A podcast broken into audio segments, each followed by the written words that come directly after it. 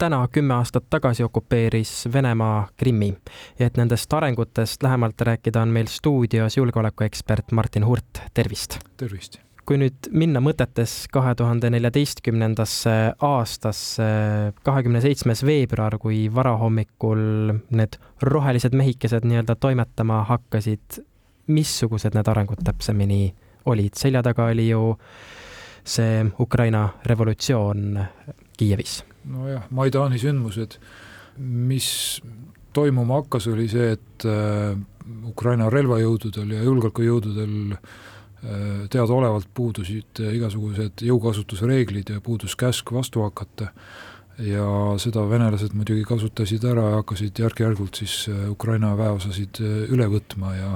ja nii ta läks, et terve Krimm libises käest seetõttu, et keegi ei hakanud vastu. Et mõnes mõttes, kui nüüd laiendada kogu seda ülevõtmist ja, ja okupa-, okupatsiooni, siis ta meenutab tegelikult meie enda äh, neljakümnenda aasta juunisündmuseid ja mis sellele järgnes juuli-august, sest kõigepealt oli okupatsioon, seejärel oli annekteerimine. siis väga palju seal ei erine, võib-olla erinevus on üks see, et Krimmis oli, oli nii-öelda lihtsalt peata olek ja, ja ei hakatud vastu, aga neljakümnendal aastal Eestis ikkagi käsk oli, oli see, et ei, ei tohigi vastu hakata. Mis selle piirkonna inimestest sai, tuletame seda ka meelde, Krimmis äh, osa inimesed äh, läksid ära, osa jäid, kuidas nad hakkama said? No seal nii palju, kui on teada, täna Krimmis äh, käib suur venestamine, surutakse inimestele Vene kodakondsust peale, kes seda ühel või teisel põhjusel ei taha võtta, siis Krimmi tatarlastel ja ukrainlastel on seal väga raske Äh, oma keelt rääkida, igapäeva argielus hakkama saada ilma Vene passita on, on väga raske, nii et inimõigustega on Krimmis täpselt nii, nagu on, on Venemaal. Miks tookord otsustati, et vastu ei hakata? no küsimus on, et kui palju seda otsustati ja kui palju äh, lihtsalt kasutas Venemaa ära seda, seda õiget momenti, et kus äh, Ukraina tollane keskvõim oli äh, siis äh, president eh, Janukovitš oli, oli eh, lahkumas või lahkunud ja, ja ei olnud demokraatlikud võimud ju asemele tulnud ja, ja tõenäoliselt ikkagi relvajõududel puudusid ka sellised jõukasutusreeglid, et et kuidas käituda olukorras, kus teine riik võib, võib nii-öelda kallale tungida et selles mõttes on, on see musternäidis sellest, et kuidas, kuidas tuleb käituda ka olukorras, kui, kui riigijuhid ei, ei anna äh, käsku kätte, et kuidas käituda aga lääne reaktsioon ähm, toonastele sündmustele, kui rääkida, mis toimus kahe tuhande neljateistkümnendal aastal, oli see liiga nõrk, hambutu toona? Siin peab, ma arvan, vaatama kõike seda, mis toimus äh, nendel päevadel, nendel nädalatel, äh, esimestel päevadel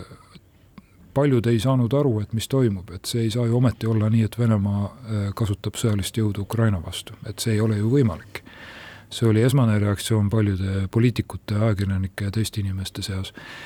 mis äh, hiljem muidugi välja koorus, oli see, et saadi aru, et Venemaa kasutab sõjalist jõudu Euroopas. hiljem, kui äh, see laienes agressiooniks, siis Ida-Ukrainas saadeti ta sisuliselt siis Vene relvajõud üle piiri Ukrainasse ja pandi püsti paramilitaarsed üksused Ukrainas, siis saadi muidugi aru, et millega tegemist on, aga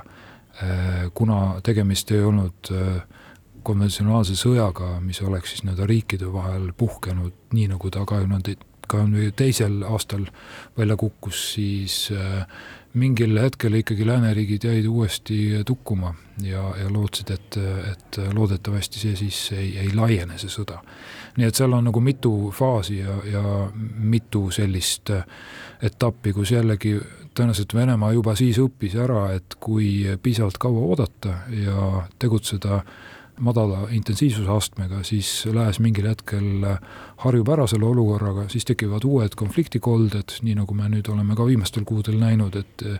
Iisraeli ja Hamasi vahel on, on sõda puhkenud, siis, siis samamoodi oli tegelikult ka kõik sellele siis, mis järgnes sellele Krimmi okupeerimisele. Ehk siin on selline psühholoogiline ettekujutus, et keegi ei taha lihtsalt uskuda, et algab uus sõda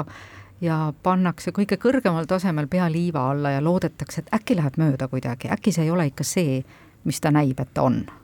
No just, et äh, Minsk üks ja Minsk kaks kokkulepped näiteks, et äh, mis äh, ilmselgelt olid mõeldud selleks, et, et panna gaas peale sellele konfliktile ja siis kuidagimoodi sealt edasi liikuda niiviisi, et teeme nägu, nagu seda poleks olnud. ja ära leppida nii-öelda, nii et see on ajaloos varem ka toimunud, see on täiesti inimlik reaktsioon. küsimus on ainult selles, et kui, kui Venemaad juhib äh, inimene, kellel on väga palju aega ja süsteem, kellel on väga palju aega, siis, äh, siis selline käitumismuster ei ole edukas eurooplaste puhul. milline on Krimm täna? missugused äh, meeleolud seal on, kuivõrd seal on üldse tugevalt esindatud Venemaa vastaseid meeleolusid no,, liikumisi? Venemaa vastaseid äh, liikumisi, meeleolusid, äh, meeleolusid võib ju olla, aga, aga avalikult seda ilmselt äh, näidatakse sama vähe välja kui, kui Venemaal. et see mingisugust edu ei too inimesele isiklikus plaanis ja ka tema pereliikmetele ja lähedastele, kui ta seda teeb. nii et selles mõttes võib täna öelda, et, et Krimmis on äh, inimesel sama eh, keeruline elada kui, kui Venemaal. Ja õigupoolest ilmselt päris paljud eh, ukrainlased ka põgenesid sealt ära, siis kui, kui ilmnes, et mis, mis toimunud on ja, ja anti võimalus.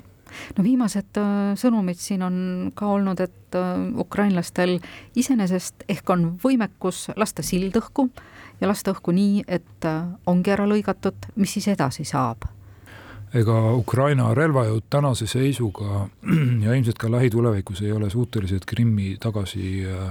tagasi vallutama, vabastama, mistõttu, ja see võib-olla ongi viimase kahe aasta selline nii-öelda järeldus muidugi see, et inimestel on elu keerulisemaks ka läinud selle sõja tõttu, et tihtipeale elektrit ei ole, ei ole nii-öelda varude juurdetoomine ei ole lihtne, kui sild oli rivist väljas, siis inimesed, tsiviilelanikkond kannatab muidugi majandusele, see kõik ka positiivselt ei mõju ja nii edasi. nii et, et see sõda ei lõpe ju niipea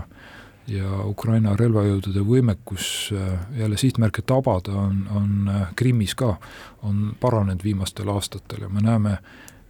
kas või viimastel nädalatel, et, eh, et ukrainlastel on õnnestunud põhja lasta veelgi eh, Musta mere laevastiku aluseid, ehk siis Venemaa mereväe aluseid Krimmi lähistel ja, ja veel kaugemalgi. nii et, et see on ikkagi sõjatanner seal täna, erinevalt sellest, mis seal oli kolm-neli-viis aastat tagasi, kui, kui Krimmi poolsaarel oli suhteliselt rahulik ikkagi no kui tulla nüüd äh, uuesti tänasesse päeva ja sellesse võimekusse, huvitavaid sõnumeid on tulnud äh, Prantsusmaa presidendilt Emmanuel Macronilt. mida arvata sellest, et äh, on võimalus luua uus koalitsioon Ukraina varustamiseks pikema tegevusraadiusega rakettide ja laskemoonaga ja ei välistata maavägede sisseviimist lääne poolt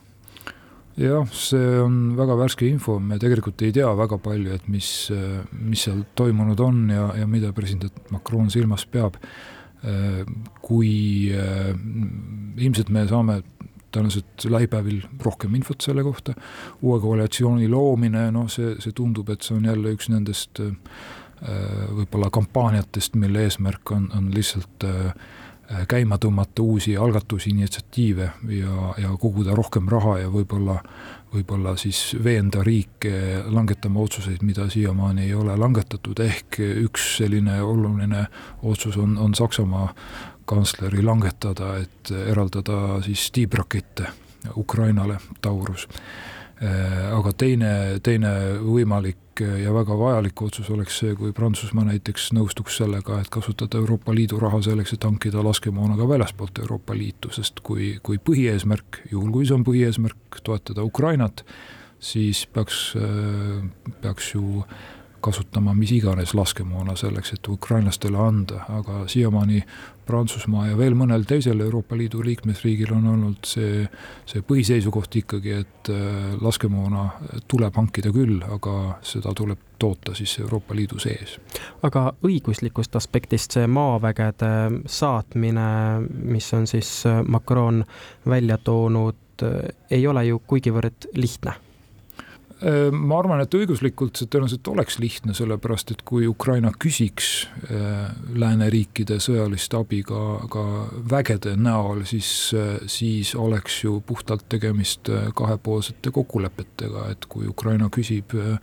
vägesid enda territooriumile, siis on see puhtalt ühe või teise või kolmanda riigi, kas siis parlamendi või presidendi otsustada, et kas ta sellega nõustub või mitte, et täna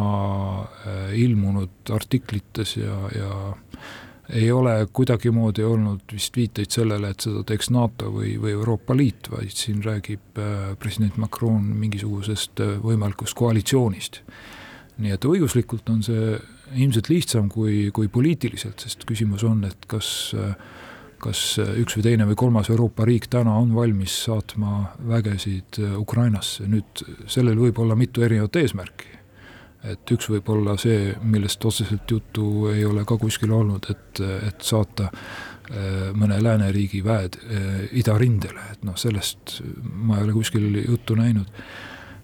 aga noh, põhimõtteliselt on võimalik ju spekuleerida selles, et, et kasutada äh, lääneriikide vägesid äh, muul otstarbel, näiteks selleks, et Ukraina vägesid välja õpetada, aga seda juba täna tehakse, nii et selles mõttes ei oleks midagi uut välja arvatud, et see sel juhul toimuks Ukrainas ja mitte see on lihtsalt selline huvitav ajaliin, mis on jooksnud alates sellest kümne aasta tagusest Krimmist, kus lihtsalt esialgu oldi vapustatud ja üllatunud, siis loodeti, et mitte midagi ei juhtu, siis hakati taunima, käis poliitiline metsik taunimine kogu aeg, et äh, nii ikka ei tohi teha ja viibutati sõrme, diplomaadid äh, sebisid ja jooksid. Siis hakati andma rahalist abi, aga seda ei tohtinud äh, nagu kasutada sõdimiseks, siis jõuti relvadeni ja nüüd käivad jutud juba maaväest, et väga huvitav liin. aga see on ka väga pikaajaline areng, mis on toimunud, nii et selles mõttes näitab seda, et et äh, esiteks muidugi, et kui palju aega see kõik võtab inimeste ja riikide seisukohtade põhimõtteliseks muutmiseks, et me näeme siin tegelikult äh, mitme riigi puhul äh, pähe tuleb eelkõige Saksamaa, aga Soome ja Rootsi ka, kes ajalooliselt ei ole andnud sõjalist varustust riikidele, kes on sõjas aga, aga ka muidugi selleks, et, et, et siis neid piiri kogu aeg kombatakse ja, ja tuleb, tuleb muuta, sellepärast ka Venemaa on ju sunnitud ka olnud ikkagi oma, oma meetodeid muutma, et, et ärme unusta seda, et kaks aastat tagasi Venemaa sisuliselt eeldas seda, et, et Kiiev alistub kui mitte esimesel, siis teisel või kolmandal päeval aga täna on nad ja juba siin tükk aega tagasi olnud sunnitud minema Hiina juurde, iraanlaste juurde, Põhja-Koreasse ja siis äh, ilusti küsima äh, sõjalist abi ja, ja muud abi. julgeolekuekspert Martin Hurt, aitäh teile!